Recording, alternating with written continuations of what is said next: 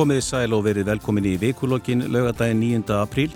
Ríkistjórnin og þó einhverjum fjármálar á þeirra hefur sætt hardri gaggarinni út af því hvernig staði var að sölun átæflega fjörðungslut ríkisins í Íslandsbanka. Stjórnar anstaðan hefur kallað eftir því að sérstökur ansóknarnemnd verði skipuð en á það hefur ekki verið fallist. Sigurður Ingi Jóhansson formaði framsónaflokks baðst í vikunni afsökunar á orðum sem hann lit falla um framkvæmtastjóra bændasamtakana. Sigurður var sagaður um rasisma og sagður hafa brotið síðareglur þingmann og ráð þeirra. Þá er ekkit láta á sprengjárósum rússa í Úkrænu. Rússar eru sagaður um fjöldamorða óbreyttum borgurum og voru reknir úr mannréttindaráði saminuði þjóðana í vikunni. Til að ræða þessi mál eru komin þau Sigmar Guðmundsson, þingmaður Viresnar, Þórun Sveinbjarnadóttir, þingmaður Samfélkingar og Orri Páll Jóhansson, þingflokksformaður Vinstri Græna. Veri velkomin. Takk fyrir. Takk fyrir. Mér langar að byrja að ræða Íslandsbankamálið, Sigmar og Þórun, þið og aðri þingmenn stjórnarnarstöðunar hafa verið mjög gaggrínin á þessa framkvæmt. Ef ég byrja á þér Þórun, hvað nákvæmlega fór úrskeiðis að þínu mati? Já, það verist mjög margt að farið úrskeiðis og það sem að hefur gerst í vikunni er að smám saman varð okkur ljóst uh, hvernig hafi verið staðið að sölunni og ég hef nú sko haft tóm til að hugsa þetta að mista okkast í eina andvöku nótt eða svo. Og er að reyna að skilja hvað gerðist. Og ég held að grunnurinn sé þessi. Það er farið hér í lokað útbóð uh, og einhverjir sem að skilgrinnar sem fagfjárfestar fá að taka þátt. Pluss uh, hérna, bæði stórir og smáir. Og það sem kemur úr dægin er að þegar að listin er byrtur þá eru þar allskeins einstaklingar, jafnvel fyrirtæki eða enga hlutafélög sem í fljótu bræði almenningur getur ekki skilið að sé á listanum og ég spyr mig og vildi gertan fá svar við þeirri spurningu hvað er fagfjárfestir? Hver uppfyllir þau skilir þið að vera fagfjárfestir í þessu, þessari tegund af bankasölu um, og það Og, og það sem kannski er verst í þessu máli og tölum kannski setna og eða eftir um sko hvað hefur gerst á alþingi og í þingsalunum þessa síðustu daga. En það sem mér finnst verst í þessu máli er að með þessum vinnubröðum og með þeim svörun sem við höfum fengið frá meðal annars Bjarnabendiksinni fjármálar á þeirra og fleirum í ríkistjórn þá finnst mér stjórnvöld vera að grafa undan því trösti, því litla trösti sem þó hefur byggst upp eftir fjármálarhunnið á þessu kerfi, á bankakerfin okkar, á vinnubröðum við sölu mm. og það er, og maður finnur það bara allstaðir í kringu sig, almenningu skilur þetta ekki, fólki er hreinlega misbóðið, ekki vegna þess að það fjekk ekki að taka þátt, það er nú ekki allir í færum til þess, en einhverjir eru það væntanlega, en veist, hvernig má það vera að við séum stött hér 14 árum eftir bankarhun þar sem að í rauninni það virðist vera þetta útbóð sko, það, það hreinlega klúðrast allt sem getur klúðrast í því og, og það er ömurlegt á að horfa en við verðum að ná til bossið í politist og við verðum að komast til bossið því hvernig þetta gerðist og ég vil bara minna á það því að það hefur nú margt verið sagt um þetta máli í vikunni að það er alveg ljóst hver ber ábyrðina. Ábyrðin er hjá ráðherranum sem að emdi til útbóðsins. Ábyrðin er fjármálu þeirra, hann heiti Bjarni Bindiktsson og hann er formaði sjálfstæðisflokksins. Sigmar, var þetta bara klúður? Já sko, mér var svona áhugavert að heyra í Bjarna einmitt í gær, það var allt annar tótníunum í gær heldur en var þegar hann var að svara fyrst fyrir eh, þennan lista í, í þinginu, allt í unn er hann farin að, að, að, að samþykja það að það hafi nú kannski eitt og annað farið úrskeiðist þarna og þetta útbóð hafi ekki alveg farið eins og með nætluðust til. Ég skal bara nefna nokkur atriði og þetta er ekki tæmandi listi. Eh, eh, það bendir margt til þess að þingið hafi fengið villandi upplýsingar um það mm. hvernig þetta standa málum sölu aðilar, þeir sem voru að, að, að, að velja kaupendur, þeir fengu sjálfur að kaupa. Það var eitt. Þetta voru mm. margir litlir aðilar í staðin fyrir færri stórir. Það voru margir umdeldir aðilar þarna sem að grafa undan trösti sem var mikið talað um og það fylgir þeim orðspós á þetta sem var líka hugtak sem var notað. Það eru þarna menn sem sæta rannsókn sem er bóðið að kaupa og það gengur auðvitað þetta á tröstsmarkmið. Það er ekki sett neina ákvæðum lámaslut, það er verið að gaggrina verðisjólátt, uh, þáttaköndu sjálfur hafa verið að gaggrina ferli frá ýmsum sko, sjónarhólum, nánir ættingar, ábyrraræðilega er að kaupa, söluæðilar fá frálsar hendur um það í hverja er verið að ringja, það er mjög mikil skekkja í hlutfalli á milli annars vegar fagfjárfesta og engafjárfesta, það eru evasemtur um það að allir sem keiftu fyllir skilir um að teljast hæfir fjárfestar, það eru uh, fjölmargir að kaupa litla hluti, jábel mjög litla hluti með afslætti og sá afsláttur var alltaf raukstutur sem svo að hann væri lægi vegna þess að fólk var að kaupa stóra hluta. Þannig að það er nú eitt atriði sem er mjög vega mikið í þessu og svo eru þarna líka erlendir aðlar sem keiftu síðast og seldu strax til þess að sækja sér skjótfenging gróða. Þeir kom aftur á borðinu núna og þetta eru bara svona nokkur atrið, þetta er bara enga meginn tæmandi, tæmandi listi. Þannig að sko Ég hef svona lúmskangur unum það að uh, útbóðið hafi svolítið farið úr böndunum þegar að boltin er komin til þeirra sem að sjá um að hafa samband við fjárfesta. Ég, uh, ég held að það geti að einhverju leiti, þetta þarf auðvitað að koma í ljós í mm. rannsókn, ég held að það geti að einhverju leiti útskýrta á hverju listin er svona allt öðruvísi heldur en allir áttu vona á, mér er sér greinilega þá fjármálar á þeirra með það sem hann sagði í gær og til þess að geta skoða þennan enda vel þá skiptir máli að sá sem að rannsakar hafi viðtakar og öflugar rannsóknar heimildir og þær heimildir eru til staðar hér rannsóknar nefnd en ríkisendurskóðandi hefur ekki nákvæmlega sumu heimildir til þess til dæmis að kalla eftir upplýsingum á, á, á, á þessum enda, jafnvel símagögnum, jafnvel að, að hóa í fólk sem að vill ekki koma og, og tala og þarf fram til gottunum. Þannig að hérna, það, það er því miður mjög margt sem að fór úrskeiðis í þessu útbóði og við erum að fara að selja eignir ríkisins í fjármálastofnunum núna á næstu misserum upp á sko 20 og jafnvel 100 miljardar.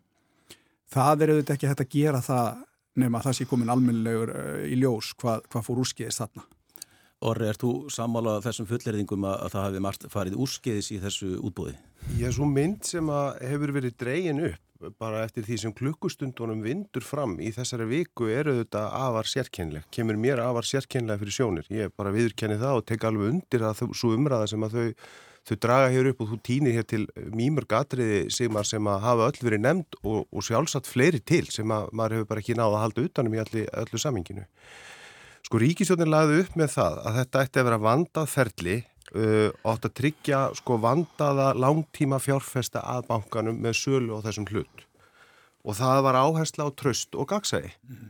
uh, mér finnst til dæmis öll þessi atriði sem þú nefnir Sigmar og það sem hefur komið fram í umræðinni alls ekki renna stóðumundir að það ríki tröst og gagsæði um akkurat þessa framkvæmt. Og það sem eru þetta teiknast upp og því komið bæði hér inn á kollega mínir er að hvaða er grund á þessari uh, sorg og óanæju sem að mörg okkar upplifðum, bara mjög stór hluti þjóðarinnar upplifði í kjölfar bankarhaunsins og það var graf alveg mál. Og það er rétt sem Þórun segir að, að sko hér var auðvitað tröstið að aukast.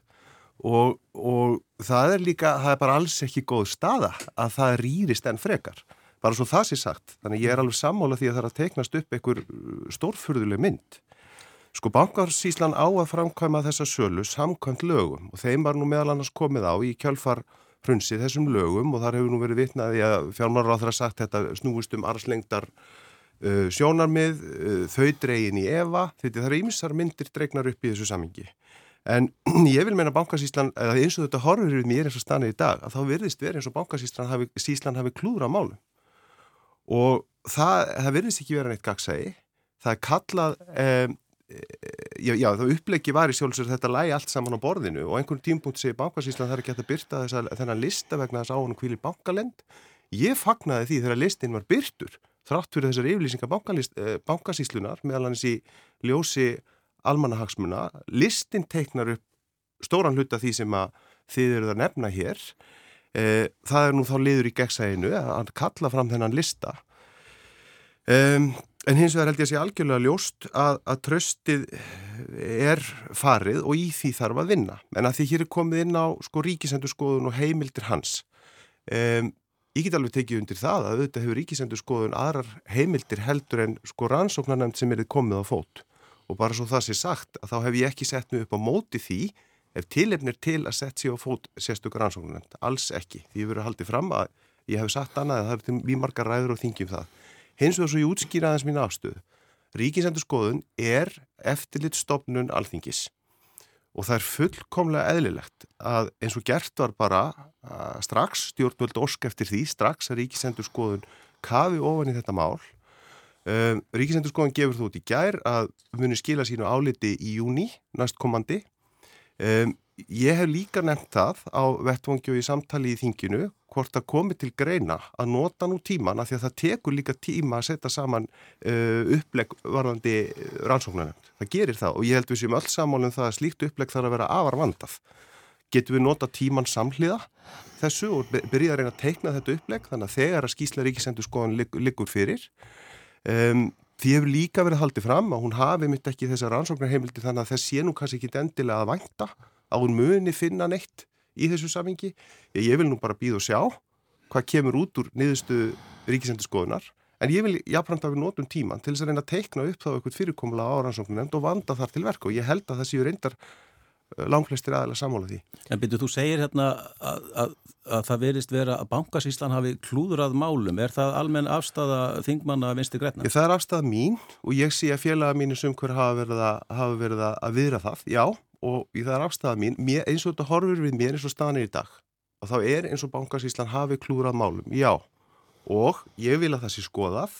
Um, það er ríkisendur skoðun byrjuð að skoða og ég held að það skiptir miklu máli að velta hér við hverjum steini því að tröstið skiptir máli og bara þessu orðaða hér og samtalið í þingin í gær og í samfélaginu allu ber þess vott að það er ekki til staðar þetta tröst og það er alvarlegt því að það var lagt upp í þessa vinnu á þeim fósundum að það yrði. Sko, ég held að staðan sé þessi í lok þessarar viku það er ekki meiri hluti fyrir því að uh, stopna til rannsóknar og stopna rannsóknar nefnd alþingis sem hefur uh, öll þau verkværi sem við þurfum til þess að komast til bossi þessu máli. Og ég hef sagt það áður, ég ætla að endur taka það hér, hugmyndin um skýsluríkisendurskoðunar er smjörklýpa sem fættist fyrir cirka tveimu sólaringum. Það að ráþeran sem umræðir byggði um skýslu frá ríkisendurskoðunar eitt og sér umdælanlegt. Auðvitað fer ríkistendur skoðan á stað, skoðar máli, sagði gæra þau geti skilað í júni og þá fer það sína leið til stjórnskipunar og eftirlitstemdar alþingis og til einhvers konar umfjöllunar þar og í þinginu. Ef það væri raunverulegur vilji fyrir því að stopna rannsóknanemnd sem að hefur allar þær heimildir sem að rannsóknanemndir alþingis hafa við tækúræði til að krefja einstaklinga um gögn símagögn eins og sem að nefndi og annað slíkt einstaklingar verða að mæta til skýslugjafar og ef þeir mæta ekki þá er hægt að sko, stefna þeim fyrir dóm og þú veist, við erum að tala um úrræði sem að koma málinu á reynd. Þetta er ekki, sko, atbyrðarásin fór ekki fram á mjög löngum tíma ef maður telur það í klukkustundum í þessari sölu mm. en auðvitað var aðdragandi og auðvitað voru, erum við með gögn úr bæði frá ráðuneytinu úr þingnemdum og öru slíku. En ég held að við séum að fara sko einhverja fjallabaksleið að uh, skýrslugerð og rannsóng sem að við hvortið er verðum að fara í. Og hvers vegna verðum að fara í hana? Við verðum að fara í hana því við skuldum almenningi þessu landi að ebla traust og því sem að gert komast í boss í málinu. Fólki er misbóðið og það verður að komast í bósti því hvað gerðist og ég verð að segja eins og er að mér finnst ekki rétt að segja uh, bankasíslan klikkaði. Það getur vel verið að eitthvað þar hafi ekki verið eins og, eins og, eins og gera átti. Við verðum að halda ábyrðinni eða fókusnum á ábyrðinni það sem hún er og það er hinn pólitíska ábyrð sem hér skiptir öllu máli.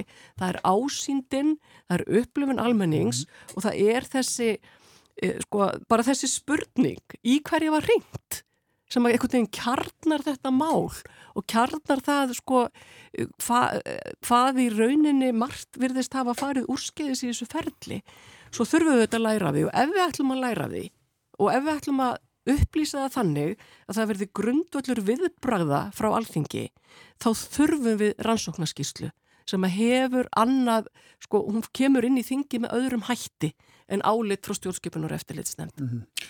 Já, ég sagði það hérna áðan að, að það veri massi bendi til þess að þetta hafi verið mikið lausung á þessu hérna í, í, í framkvæmdini sjálfri. Höfum það algjörlega á hreinu að ef það er lausung þar, þá er það vegna þess að það klikkar eitthvað í efri lögunum líka og að pólitíska fóristan í þessu hérna, hefur, hefur klikkað.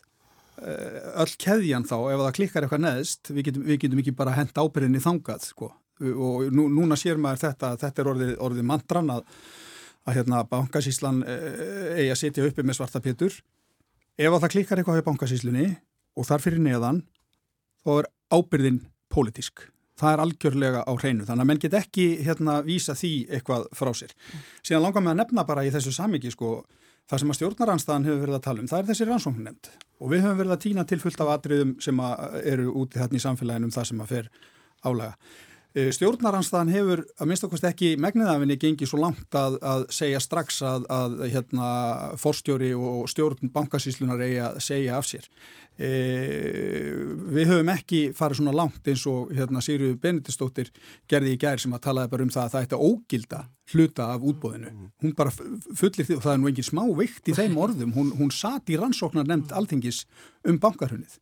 Svo segir Guðrún Jónsson sem er einn af höfundum rannsóknarskíslu alþingis hún, hún kveður líka mjög fast á orði og kalla bara beinlis eftir afsökn ráð þeirra. Þannig að sko stjórnaranstæðan er vilt bara að þetta verði skoðað og svo verði tekin af, afstæða til þess hvers konar afleggingar eiga að vera en, en, en það eru miklu meiri þungi hjá þungavíktar fólki það núti sem vilja ganga, ganga miklu lengra. Mm. Og mér langar líka að benda á í þessu samhengi að þegar við erum að tala um ríkisendurskoðun og, og, og rannsóknunemnd.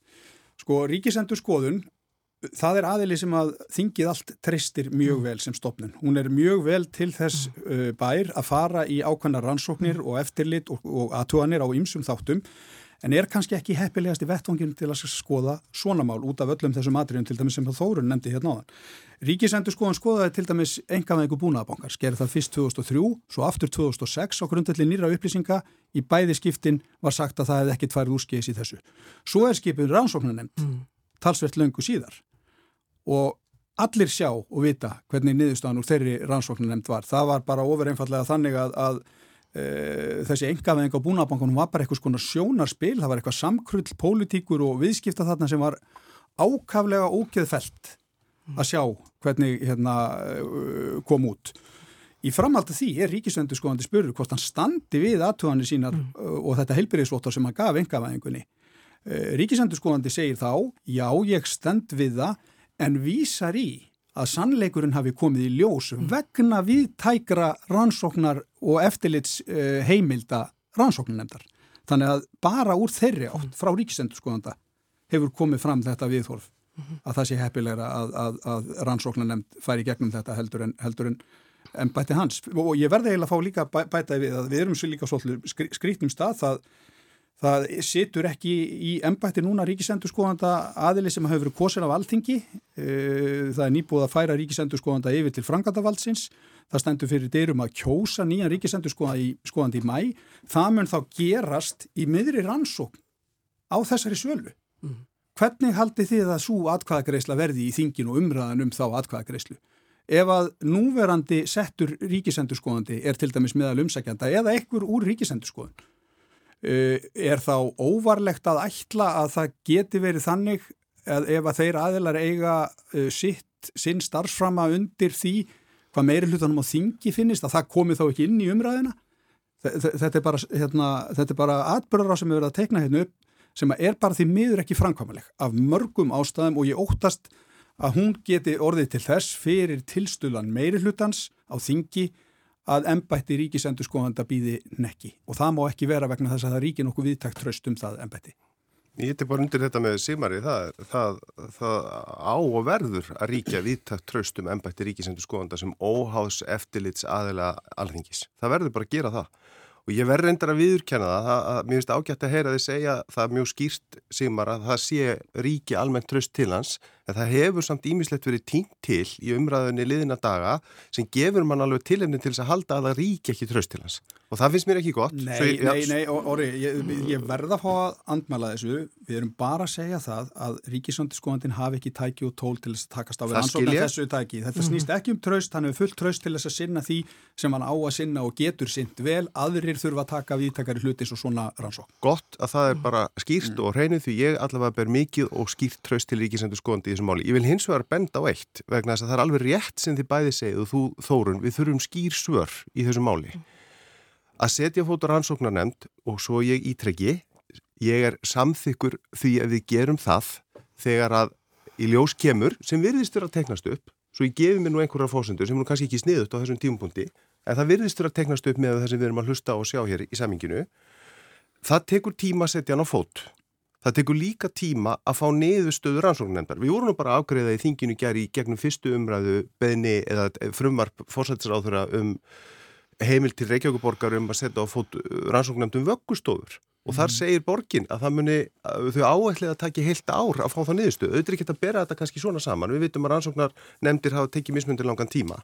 Það sem við vitum þó er að við fáum einhver svör frá ríkisættu skoðun í júni og því við reyndar svo ég nýti aftan við þetta því verið fleikt að og ég sé það bara í aðtjóðsendum og kommentum af því að trösti ríkir ekki já já þá nú bara að drepa þessu dreif og, og nú skilar hérna ríkisættu skoðun eitthvað af sér og þingi verður ekki að störfum og þetta verður bara einhvern veginn þakkað í hel. Ég segi það bara hér. Það ríkis endur skoðun skilar af sér ákveðinu vinnu á ákveðinu tímpunkti, segist alltaf að gera það í júni. Þingi á ljúka hvað, 11. júni? Um, ég finnst algjörlega einbóðið að það þarf að kalla þing saman til þess að ræða þetta ef, ef hann er ekki skila fyrir þennan tíma. En bæði, bæði fórstættisráþurra og fjármálaráþurra og fleiri þingmenn, stjórnaþingmenn hafa sagt að að það verði tekin ákverðun um rannsóttanemnd þegar skýsla ríkisendurskoðunar likur fyrir. E, þá þarf að vera eitthvað í þessar skýslur sem að gefur tilefni til frekari rannsókna mm -hmm. Og, og það mætti nú skilja af orðum Þórunar og Sigmars að, að, hérna geti bara reynilega mögulega verið bara einhver skýsla, komið skýsla sem segja að það var allt í lægi með þetta útbóð og allt í fína. E, hvers vegna ekki bara fara beint í rannsóttanemndina? Ég, sko, eins og ég segi aftur, við vitum ekki hvað svona langan tíma það mun taka okkur að setja saman rannsóknarnefn, því það tekur tíma og ég heldur sem öll sammálaði að það þurfi að vanda þar til verka. Og við vitum að það mun taka lengri tíma en fram í júni fyrir rannsóknarnefnd að skila sig, ég leiði mér að, að gefa mér það, það takir lengri tíma fram í júni að hún muni gera það, við fáum eins og svör frá Ríkisendurskoðun sem við þurfum í júni og þess vegna vil ég að við klárum það ferðli en ég hef líka lagt til, svo ég ítrekka það, ítrekki það, líka lagt til að við notum þá tíman samlega því að ríksendurskóðin er að vinna þessinni rannsókn til þess að smíða þetta upplegg. Svo kemur einhver niðurstaða og það er, það er til dæmis getur verið á vettvangi nefndar sem þórun stýris, stjórnskipunar eftirlitsnefndar alþingis, að vinna þessu uppleggi samhliða. Og það eru eftirlitsnefnd þingsinn sjálfs, þannig að við séum þó líka að, að það hefur verið gaggrind að fjármálráð hafa óskað eftir aðkomu ríkisendurskoðunar Ég, ég, ég átta mikið alveg á því að hverju, að hverju það er gaggríni verðt. Ég fagnaði því að þetta var gert á, svo ég segi bara nú leitni. Einhvern tíman hefði þannig verið gaggrínt að stjórnvöld kalla ekki eftir því að þetta sé skoða. Þingið þetta nú kannski að fá að segja? Það er kannski ágætt sko og er, við skulum ekki gleyma því að, að sko allt sem er ákveðið þessu máli þarf að bera með sér að það byggja upp tröst en rífi það ekki niður. Vegna rannsóknar nefndar að sjálfsögðu þarf að eh, vanda til undirbúningsins afmarka umfyllunarefni, finna, hæfa sérfræðingi nefndina, við erum öll sammálu um það og í sjálfu sér skiptir ekki máli hvað það tekur langan tíma og því að rannsóknarnefndir mhm. geta tekið þann tíma sem þær vilja og hafa gert það, heldur að það sé farið beint í það mál og ekki tafið með skýslu frá ríkjusendurskoðanda sem að við vitum að gæti orðið þannig að hún svaraði ekki öllum spurningunum vegna þess að ríkisendurskoðandi hefur ekki sömu heimildir og rannsóknanemndin. Og síðan er kannski þriði atriðið uh, í þessu máli sem er algjört aðal atriði og það er að það sé ekki haldið áfram með söluferlið fyrir en að það sé búin komið niðurstaða frá rannsóknunemnd alþingis þannig að hægt sé að taka afstöti þess hvernig til tóks, tókst og hvað þurfa að laga áður en er áfram er haldið af því að ég hef, veit ekki betur en að þessi ríkistjórn ætla að selja meira í þessum banka. Já, það kemur ekki til greina að halda áfram. Nei, það, það þarf alveg að vera á hreinu en það er líka þannig orðið pál að meiri hlutin sem stiður þessa ríkistjórn er ekki, sko hann er búin að segja ef eitthvað kemur út úr ríkisendurskoðunarskíslunni þá skulum við hugsa um að da, da, da, og það verður eitthvað tíman í sumar. Það er ekki meiri hluti fyrir því að stopna þessa rannsóknarnemnd núna og það er það sem veldur mér áhyggjum og það er ekkert sem segir mér að sá meiri hluti verði til staðar í júni. Kanski breytist það, kannski ekki og það er vond staða fyrir málið að vera í bara almennt þess að skilji ekki hvers vegna stjórnariliðar set ekki bara allt upp á borð og segja, heyrðu, jú, vöndum okkur stopnum þessar rannsóknar nefnd og lefum henn að vinna. Já, já, þetta er líka auðvitað þannig sko að við erum að tala hérna um fullta atriðum sem að fara úrskeiðis í, í þessu hérna útbóði. Fjöldin allar af atriðum e, og þau eru öll á pólitíska ábyrð fjármálar á þeirra, þá er það auðvitað ekki fjármálar á þeirra sjálfur sem ákveður án þess að tala við þing og alveg augljóslega ekki án þess að tala við þingflokkana e, í stjórnarmeri hlutanum. Hann, það er ekki hans að ákveða það í hvað ferli rannsókn sem að beinist að pólitískri ábyrð hans fer. Það er nú kannski fyrsta hugsana skekkjan í þessu öllu og svo er það auðvitað þannig að hérna Eh, ef við erum í þeirri stöðu að alltaf sjá út frá skoðun ríkisendur skoðanda, hvort að það eigi að stopna það rannsóknu nefnd, þá komast minnuð þetta ekki tjá því að, að, að við erum alltaf þá með þá spurningu, voru þessar takmörkuðu heimildi ríkisendur skoðanda, miða við rannsóknu nefnd, þess uh, eðlis að það fór eitthvað framhjá sem að hefði komið í ljós í, hjá rannsóknu nefnd. Þetta mm. eru þetta bara algjör kjarni málsins mm -hmm. og okkur liggur ekkert eitthvað lífið á og, hérna, og, og ef að þetta er spurning um tímarama þá auðvitað fyrir við bara fljótt og vel í, í það að stopna þessa rannsóknar nefnd. Eh, þetta er miklu afmarkara heldur en að rannsaka heilt bankarhund sko. Við erum ekkert að tala um einhverja nokkur ára rannsókn. Mm. Það, það verður vel hægt að klára mm. þetta og halda síðan áfram í söluna Eh, eftir að það er búið að, að ef við viljum það, við viljum það. Já, já, ég er nú reyndar mjög þeirra skoðunar og stutt það að þessi bankasíu seldir og þess vegna er þetta einmitt svona þetta er svo leiðilegt sko, við erum búin að styðja við ferlið allan tíman að því við trúum því að það sé rétt að, að hérna selja, selja bankana.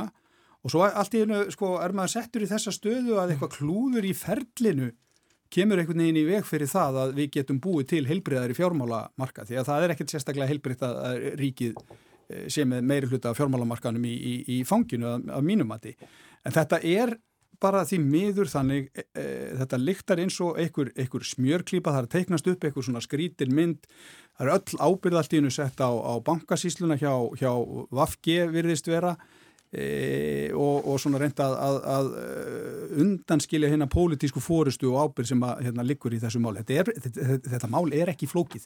Þinginu var sagt að sala nýrði með tilteknum hætti, mm það sem kom upp úr korsónum var eitthvað allt, allt, allt annað.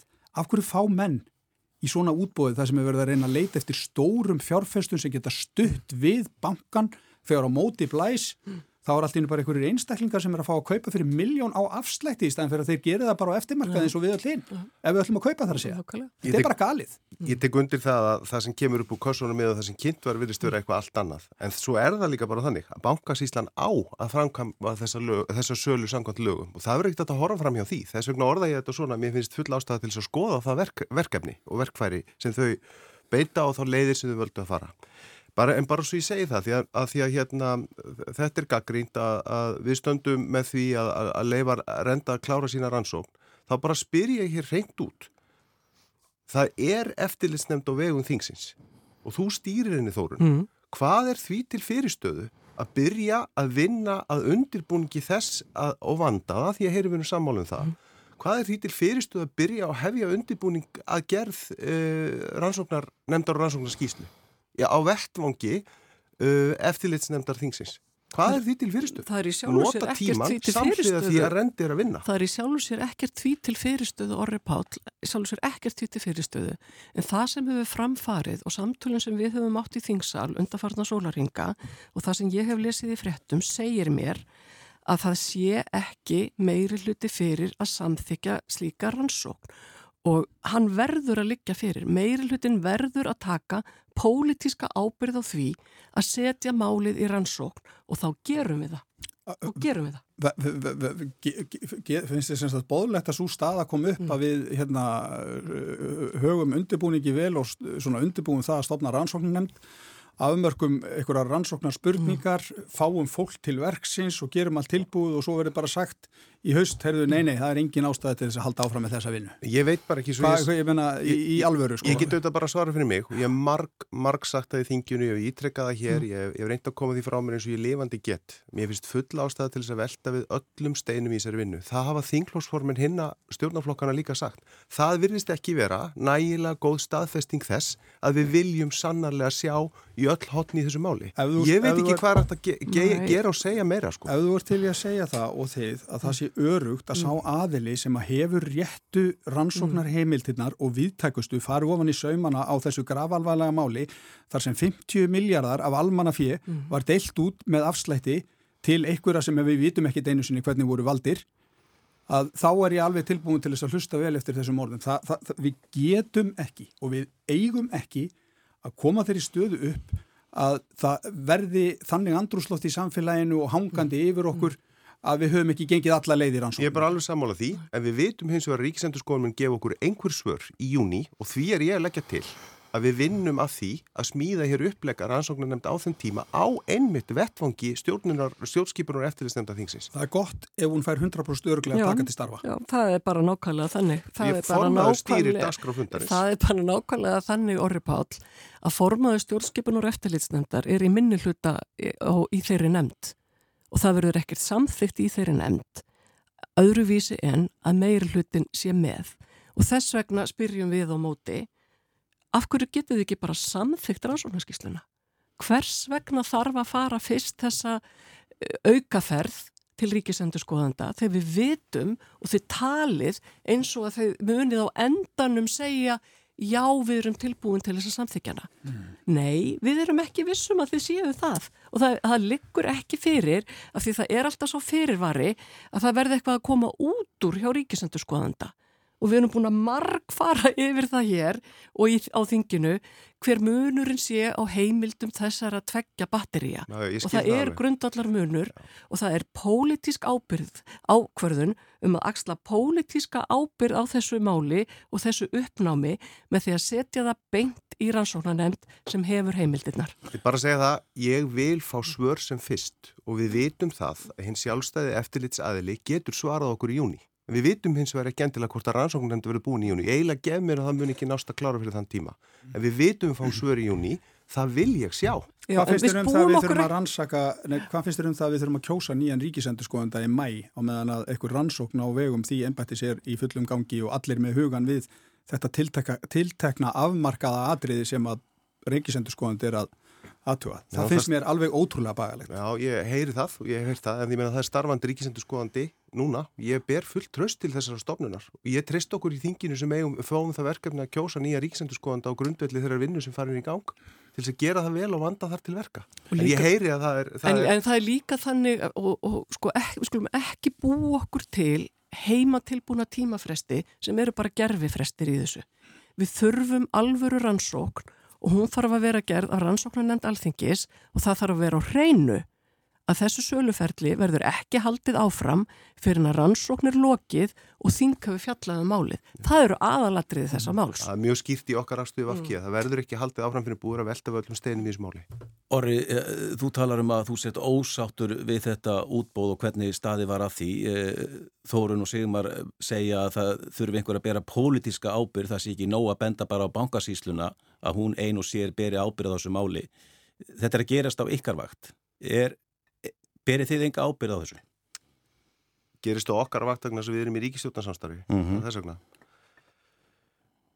Berum við enga ábyrð á þessu Mér finnst þetta svo áhugavert í alla staði sko. þetta, þetta, þetta er ákvörðun það, þetta er framkvæmt ráþherrans með þessu armslengdar uh, lögmáli með stofnun sem heyrir undir einn ákveðin ráþherra og við, við búum náttúrulega ekki við fjölskipað stjórnvald þannig að við erum að sjá ráþherra ákvarðanir í, í öllum áttum allstaðar uh, og höfum gaggrínt þær og stundum við verið sammálað þeim eins og það nú er sko.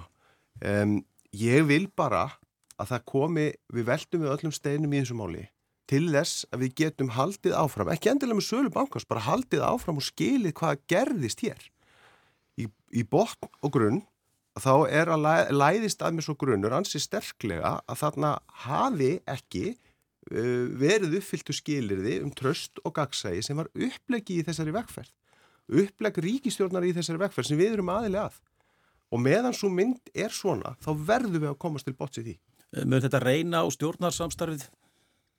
E, að því leiti að á meðan að ekki er komin botn í málið. Já, bara líka þetta náttúrulega lítur að vera svolítið óþægilegt fyrir vinstri græna. Sérstaklega þegar þið eruð að beina ábyrðinu svona innbeitt á, á fjármálar á þörnum eins og þú ert að gera hér. Já, ég hef nú reyndar sagt þá, ég skal segja þegar í eina, eina ferðina enn, að Bankasísland ber ábyrð á þessari framkvæmt, ekki satt? Það, til, en, til hennar var stopnað meðal annars í kjölfar þeirra hörmunga sem við upplifum hér í, í, í hruninu. Mm -hmm. Ég hef alltaf stutt þá hugmynd að við búum til þessa armslengt. Ég er ekki sammála því að pólitíkin velji og hafni einhverja kaupendur. Nei, það er engin að tala um það. Nei, ég, ég, ég er að segja sem dæmi. Þannig að, og, og nú ég, verð ég fyrir miklu vonbröðum eins og ég sé upplegið og niðurstöðuna núna. Fyrir mér virðist að vera sem bankasýslan hafi klúðramálum. Ég sagði það hér aðan. Mm. Þannig að ég vil gjarnan sjá að við veltum ykkur um einasta stein í þessu til að komast til bots í því. Hafi það verið eins og þú segir, Óri Pál, þá Haldi. breytir það því ekki, breytir það því ekki að hinn pólitiska ábyrð er fjármálu efnaðsar á þeirra og ríkistjórnarflokkana. Við komumst aldrei fram hjá því. Það er bara þannig. Við sitjum hérna Sigmar Guðmundsson, Þingmaður Veirisnar, Þórun Sveinbjarnadóttir, Þingmaður Samfélkingar, Orri Páll Jóhansson, Þingflokksformar, Vinstri Græna. Mér langar aðeins að skipta um umræðverðni, það er þetta mál uh, með Sigurd Inga, forman framsónaflokksins, uh, þessi umvali sem að hann let falla á um framkvæmtastjóra bandarsandakana í síðustu viku. Hann hefur verið saggar um það að hafa brotið síðarreglur þingmann og ráþeira með þessum umælum. Eh, Sigmar, þú hefur meðal hans sagt það, mm. Eymar Rétt. Eh, hvernig braut hann síðarreglur? Já sko, það líka fyrir. Eh, þetta er nú einmitt eitt af því sem að er pínlítið vandi í málunum sko. Það, það, það hefur enginn vilja staðfesta nákvæmlega það sem að sagt var og nákvæmlega samhengið. Það nákvæmlega hvað var sagt og samhengið sem að það var sagt í skiptir máli þegar að við erum að velta fyrir okkur nákvæmlega hvernig við afgreðum þetta mál vegna þess að sko þó að svona mál og það er náttúrulega mjög ánægilegt að, að Sigurður Ingi og, og Víkdís hafi talað saman og að Víkdís er sátt við uh, hérna, afsökunarbeginni Sigurðar og allt það þá hangir alltaf eftir auðvitað ennþá svona ákveðin pólitík, pólitísk ábyrð í málinu sem að, sem að er stærra atriði heldur en bara samskipti þá þólanda og geranda í þessu máli. E, við þurfum að vita nákvæmlega hvað var sagt einmitt til þess að geta metið það hvort að þarna var e, brot mögulega á lögum. Ég held að fara ekkert á milli mála með við það að, að, að e, formaði fransónflóksins starf að byggast afsökunar með þessum hætti á, á framköngu sinni að hann hafi ekki brotlegur við síðareglur. Það finnst mér vera svona eiginlega bara svolítið liggja í afsökunarbeðninni sjálfri og allri atbyrðarásinni en, en, en það eru auðvitað samt ekkit mitt að, að dæma um það en það sem að þetta er auðvitað rosalega leiðilegt mál vegna þess að, að sko alþingi er auðvitað vinnustæður, fólk þekkist og við tölum öll saman þó við séum í einhverjum svona pólitísku addi ég hef alltaf haft miklar mætur á, á, á formanni Fransónuflokksins og hef alltaf tekið hann svona sem hann er svona hreitn og beitn og hann er oft lausna með öðru nálgun og ég mm. þekki hann ekki af einhverjum fordómi með eitthvað slík og þess vegna bregður okkur öllum og þess vegna vorum við í þinginu, við vorum öll alveg mm. bara leið, þetta er ekki svona vennjulegt pólitískt mál þar sem að menn menn einhvern veginn takast á um einhvern málefni, þetta er, þetta er svona erfiðara mörguleiti og ég verða að segja það að uh, það er svo leiðilegt að, að, að ræða þetta því að þetta er svo persónlegt allt einhvern veginn sko, þetta sérstaklega gagvart, gagvart enni vigdísi. En, en það eru þetta þannig að að það liggur fyrir eftir að, að ráþæran veitti viðtal hér á Rúf á dögunum að þá segir hann að hann hafi verið alltaf síðustu helgi að reyna að ná í viktissi til þess að byggast afsökunar. En við komumst því miður ekki fram hjá þeirri staðrind á sama tíma. Þá er aðstofamæður sem talar í umbóði ráþæra og allt sem aðstofamæður gerir er á ábyrð ráþærans þá er sá aðstofamæður ekki að segja satt miða við orð Sigurðar. Og eftir að Sigurður kemur afsökunarbeginni þá heldur aðstofamæðurinn áfram að halda þið fram að það hef ekki verið rætt um húðlitarna, heldur bara flokkskýrtinni vigdísar. Þannig að ég, ég er eiginlega bara þeirra skoðunar að, að það þurfi að svara þessum spurningum, bel þótt að vigdís og Sigurður hafi, hafi náð sáttum. Það er auðvitað mjög ánægilegt en, en þetta er ráð þeirra í ríkistjórn og, og við verðum að komast í bots í því bara nákvæmlega hvað var sagt og í hvaða samhengi.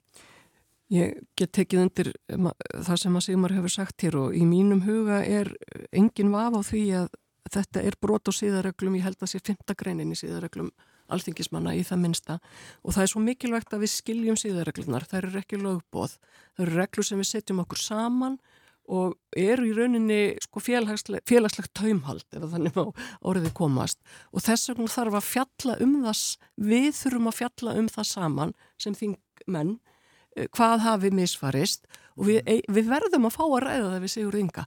Ekki til þess að berja á honum heldur finnst mér þetta hafa verið eins ömurlegt og þetta mál allt er að við erum að glata tækifæri til þess að ræða inni á alþingi Íslendinga þennan hverstaslega rasisma sem viðgengst í samfélagi okkar upp á hvern einasta dag. Og við verðum að horfast í uh, og það er þannig að við sem að lítum út eins og við gerum sem sitjum hér við þetta borð, við erum reyndar í útvarpi en sko við höfum bara ekkert sömu forsendur til þess að ræða eða skilja þetta mál. Og okkur ber að, ræði, okkur ber að fara inn í það. Okkur ber að fara inn í sásökan og okkur ber að skilja hvernig þeim líður sem að upplifa þennan svona, þetta er svona kannski ekki alltaf stóri hlutir en eitthvað sem að getur gerst í daglegu lífi fólks sem að er ekki í Íslandingabókur ekkur ættir sínar aftur til miðalda sjáðu þið til. Og, þurfum, og þetta tækifæri líka til þess að, að ræða um fjölminningasamfélagið okkar og lagskiptinguna í því og, og hverjir eru inni og hverjir eru úti. Og, og ég, sko, ég var að vona að Sigurður Ingi Jóhansson myndi höndla máli þannig að hann bara, sko, auðvitað áttan strax að fara í það að byggjast afsökunar og gera þetta almennilega og klára það þannig en líka að koma inn og segja nú skulum við ræða málinn og taka umræðuna af því að ég er þeirra skoðunar að samtali sér alltaf til bóta og ég held að við þurfum líka sem þingmenn að hlusta miklu, miklu meira á þau sem eru ekki eins og við, ekki fætt og uppalinn hérna eða einhverjum sko koma til okkar og eru með okkur í samfélaginu sem sagt, hvort sem það eru innflytjendur, hvort sem að það séu ætleitir einstaklingar til dæmis við verðum að ræða þetta og við erum, mjög daburlegt að þetta einhvern veginn hafi farið á þessa leið og ég ætla ekki að giska neitt um það hvað gerðist þarna. Það, veist, það er bara ekki á, á mínu borði að vera með eitthvað vangaveltur en það en við erum kjörni fulltrúar, við störfum eftir síðareglum og það eru gerða meiri kröfur til okkar vegna þess og það á að gera það. Ég segi bara eins og þú Þorun sko, þetta, ekki okkar var viðstatt eh, þetta, en ég les eins og fleiri stöðu uppfæslu framkvæmdastjóra bændarsandaka Íslands, það sem kemur fram að upp hafi verið, viðhauð hafi verið óviður kvæmilega orð og vísa til e, litarafts eða kynþáttur eða hvernig sem hún orðaði og ég þarf í raunin ekki að vita meir, mér finnst þetta bara óviður kvæmilegt og óbáðlegt, alveg sama um hvernig ræðir. Við eigum ekki að tala svona En ég tek alveg undir þess að mm. segja Þórun að, að það, það skiptir máli að við ávörpum orðræðu uh, í þessu samingi og, og reynum að taka til í okkur. Því var nú reyndar flaggað, þetta er alveg harrið sem segir með síðareglunar, það er ekki lög, það eru viðmið sem við mm-hmm. setjum okkur sjálf og því var reyndar flaggað hér í upphafið þingsverandi með stóra umbreytingu og þingi það var nú verið svolítið mikil endur nýjum undanferðið sumir koma eiga gott kompakt svo ég leiði mér að sletta aðrir eru nýjir eins og við segjum að, um, að það er verðugt verkefni og ég er ekkert að segja bara út af þessu tilefni við eigum bara því því að flaggaði upphafið þings fyrir þennan tíma við eigum í raunin að setjast saman yfir það og, og, og vera sátt við sáttmálan sem við gerum okkur sem síðareglur eru og ég bara eh, skal minna á það mm. á næsta fundi þingflósforman að mm. þessi kannski verkefni fórsættisnefndar að við förum í það vinnu. Mm. Eins og þú eh, bendir á og þið öll reyndar, við vitum ekki nákvæmlega hvað Sigurður Ingi sagði en við getum rétt bara ímyndað okkur hvað þetta var. En það skiptir máli hvernig Vigdís upplýði það Já. og það skiptir máli hvernig hún lísti því og í hennar yfirlýsingu er vísað bæði til kynþáttur og kyns. Já, það er alveg, held ég að fara ekkert á milli mála að, að, að þetta snýrist, að ykkur, mm. snýrist um húlit. Það, það, það verður enginn viðfengt það af, af, af þeim sem að þarna er hluta máli, það er að segja annars vegar Vigdís og hins vegar, hins vegar Sigurður Ingi, Sigur Ingi hefur ekkert eitthvað, eitthvað, eitthvað neita því þó að aðstofamæðurinn hafi, hafi gert það en ástæðan fyrir því að ég er að nefna það að það sé mikilvægt að við vitum nákvæmlega hvað það er. Mér finnst það skipta máli þegar við erum að tala um framgöngur á þeirra að, að, atvikalýsingin sé mjög skýr sko. Já, og, hérna, og ég, þið megið ekki skilja orðminn svo og ég sé eitthvað efast um að eitthvað óvirkvæmilegt það, það, það var auðvitað ekki þannig. Það var ekki minn punktur heldur. Eh, það sem ég ætla að því hann Sigur Ingi svo, hefur svo sannlega beðist afsökunar á þessum mm. umalum og, og við vitum að þetta snýsta einhverju leiti um rasisma. Eh, það sem ég er að velta fyrir mér er þetta það alvarlegt að þínum að Sigmar að Sigur Ingi er að segja af sér eins og sem við vilja? Ég hef aldrei, aldrei gengið, gengið svo langt í að, að, að tala. Við höfum, við höfum óskað eftir því að hann gefið svona eitthvað útskýringu til þingsins og tali við okkur úr uh, ræðustól alþingis. ástæðan fyrir því að, að mér finnst það mikilvægt er að, einmitt, að þetta er ræðustól alþengis það að það komi yfirlýsing, útskýring og jafnvel afsökun á þeim vettvangi það sendir svo skýr skilabóð til 2000 Íslendinga sem að, hérna, e, e, eru í þeirri stöðu að geta orðið fyrir aðkasti út af húðlýtsínum eða uppruna að það er verið að taka mjög þett og einbeitt á, á málinu. Þetta er, þetta er svo stór og, og merkilegur vettvangur og mikilvægur til þess að, að gera það sko.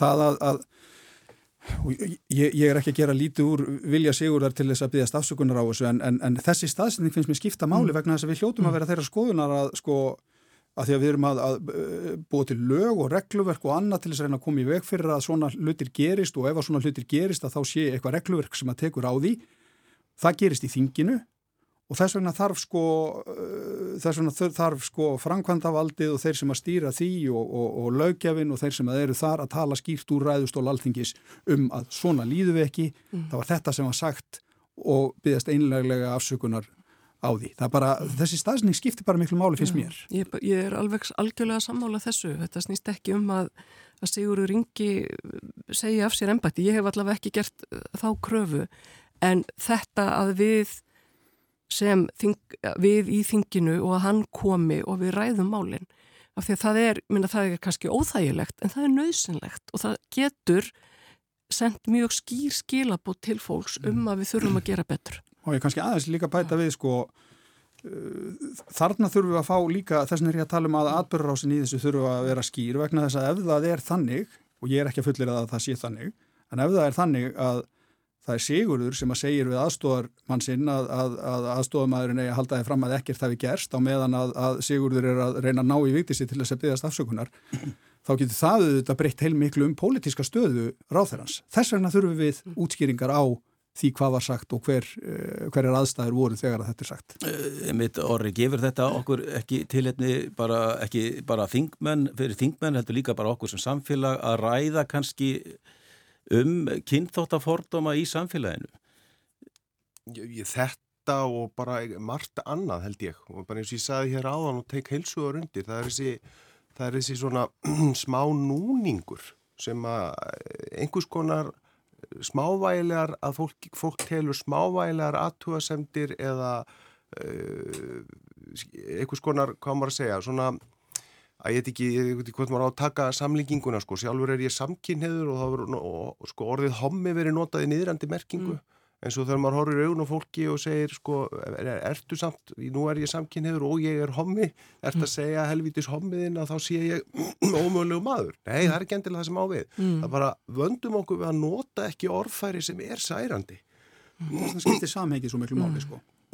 Já, Sigur verður bara að tjá sig sjálfur um það sem hann sagði sko, en það þú ert að spyrja mútið samfélagið ég held að það sé full ástæða til og þetta er eitthvað svona eilíðarvinna. Þetta er svona eilíðarverkefni en við, við verðum að ná meiri árangri og ég myndi segja hraðari árangri í því og ég held að því að þeir eru að tala um vettvang þingsins. Þar er einn ein líkillin í því, eða einn leiðin að því er að, er að ávarpa síðarreglurnar og endur skoða þær að því að við sem þarna sitjum núna verðum að vera sammálu um það hvert upplegið er. Að því ég tek alveg undir það það eru ríkari kröfur til okkar í þessari stöðu heldur en annara Bara út af þessu, sko, ég held að þetta snúist ekki um að endur skoða síðarreglunar.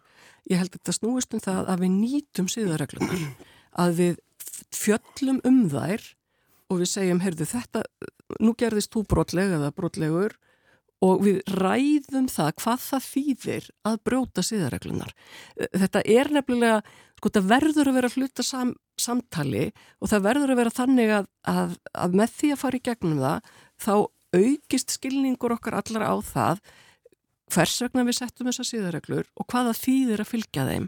Og það á síðan að hafa áhrif á atferðli, menn það er þannig með síðarreglur fagstjætta og allt þetta. Og við erum nú búin svona siðreglu væða samfélagið svolítið stíft á undanferðnum áratug en við verðum líka kunna að nýta siðreglunar og vita til hvers það eru. Ég, ég samála þessu, mm. það sem ég meinti nú bara er það að því að mm. siðreglur á hverjum tíma, ég er ekki að segja þetta gefi tilum til mm. endur skoðan siðreglun, ég er bara bent á að það hefur verið sagt strax í að það hefur verið píratar sem höfðu orða á mm. því meðlans í þinginu, það verið nöðsynlegt að því að það er eðli reglana líka, mm. maður tekst á við þær, mm. sest niður með þær og finnur út úr því, já ok, við erum öll sammála þessu uppleggi. Skil, það er eiginlega það sem ég hafði, það getur vel verið þó að að, að við komumst vera í niðurstöðu, við höfum verið nákvæmlega eins og þar eru, en það, það er akkurat að nota þær sem tólið og tæki sem þar eru. Ég tek undir það. Mér langar aðeins að skiptum umræfni því við eigum ekki mikinn tíma eftir uh, fara til Úkræðinu. Rússar voru í vikunni sagaður um morða og óbreyttum borgurum og við höfum öll séð og lesið þessa frettir og séð þessa myndir. Uh, margir hafa kallað eftir því að við rekum sendaðara rússa úr landi. Er það skinsalegt semar? Já, við höfum nú alveg hérna, nefnt að slíkt komi nú heldur betur sterklega til greina sko. Núna hafa uh, þjóðir víða verið að minnstakosti að, að, að senda diplomata úr landi. En ég minna inn í þeirri spurningu er síðan auðvitað hvert verður viðbrað rúsa og allt þetta þannig að þetta eru auðvitað einhvers konar mat. En mér er sko, auðvitað mann alltaf misbóðið þegar einn þjóð uh, ræðst á aðra eins og þannig er. En þegar maður er að sjá þessar myndir af þeim svæðum sem að rússar hafa verið að hörfa í skyndingu, það sem hafa geta falið ummerki um hryllingin allan, þá er manni svo manni svo bumbult við að sjá þessar myndir og ílskona sem að þarna er að baki og hvað þetta virðist að vera kerfispundið eh, gengið þannig fram gegn almennum borgurum að þeir eru bara myrtir, pintaðir, þarna er konum nöðgað og það er mér sér afhöfðanir þarna og annað.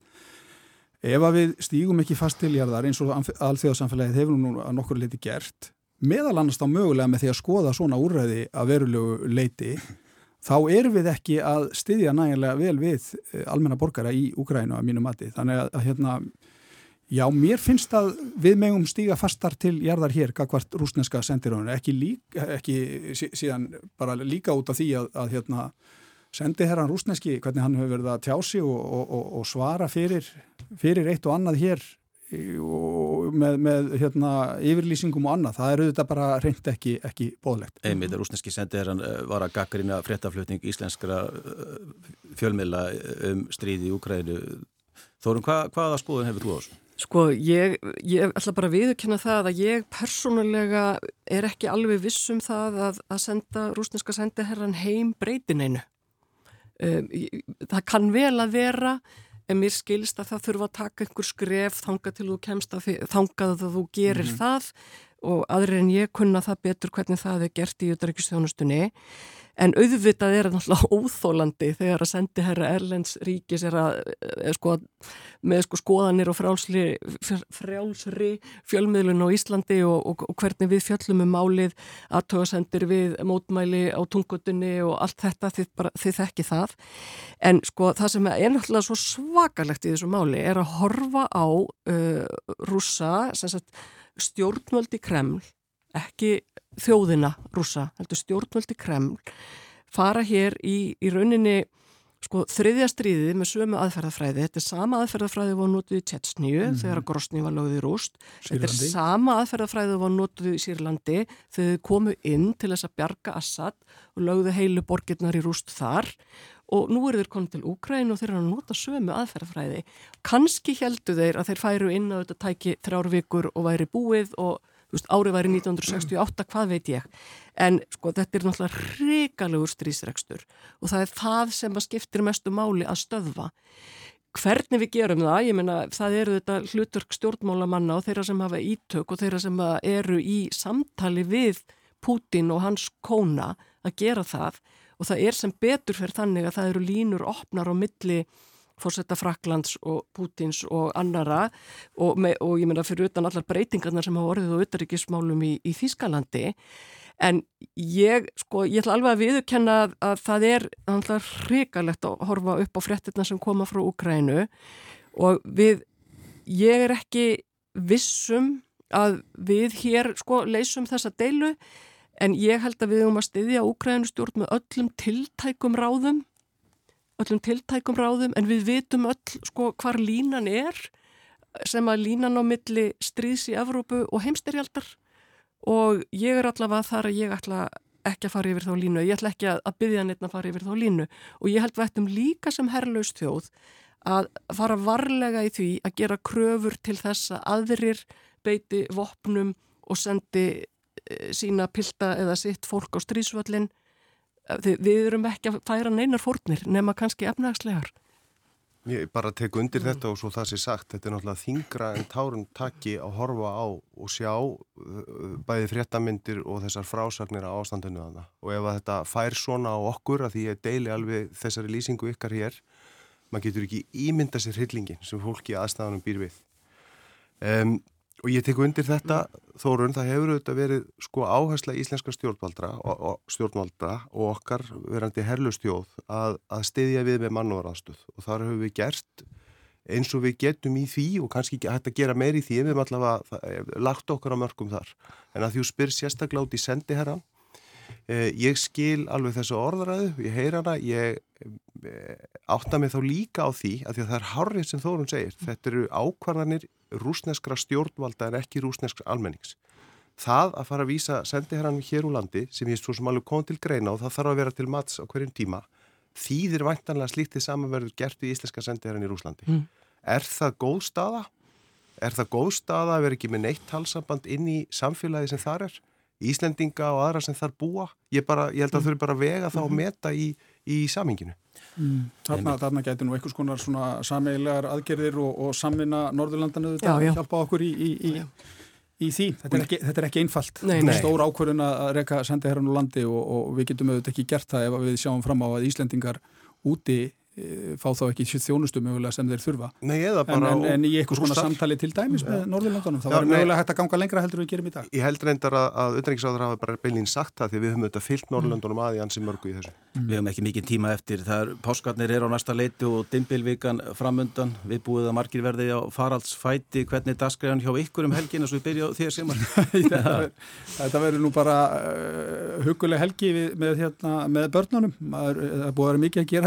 byrja maður skuldar auðvitað svolítið samverðustundir með sínum nánustu sko og ég ætla nú að reyna að bæta upp fyrir þessar syndir síðustu daga með því að eða bara tíma með þeim en, en ég hef nú ekki lagt neinn drög að ferðalögum í, í, í, í hérna um páskana en eitt slíkt sko en það er þetta náttúrulega bara aðalega tími til þess að vera með, með sínum nánustu og, og kannski hérna bara fínt eins og ég segja að, að, að, að eða tímanum þannig að þegar maður er búin að vera að vinna mikið.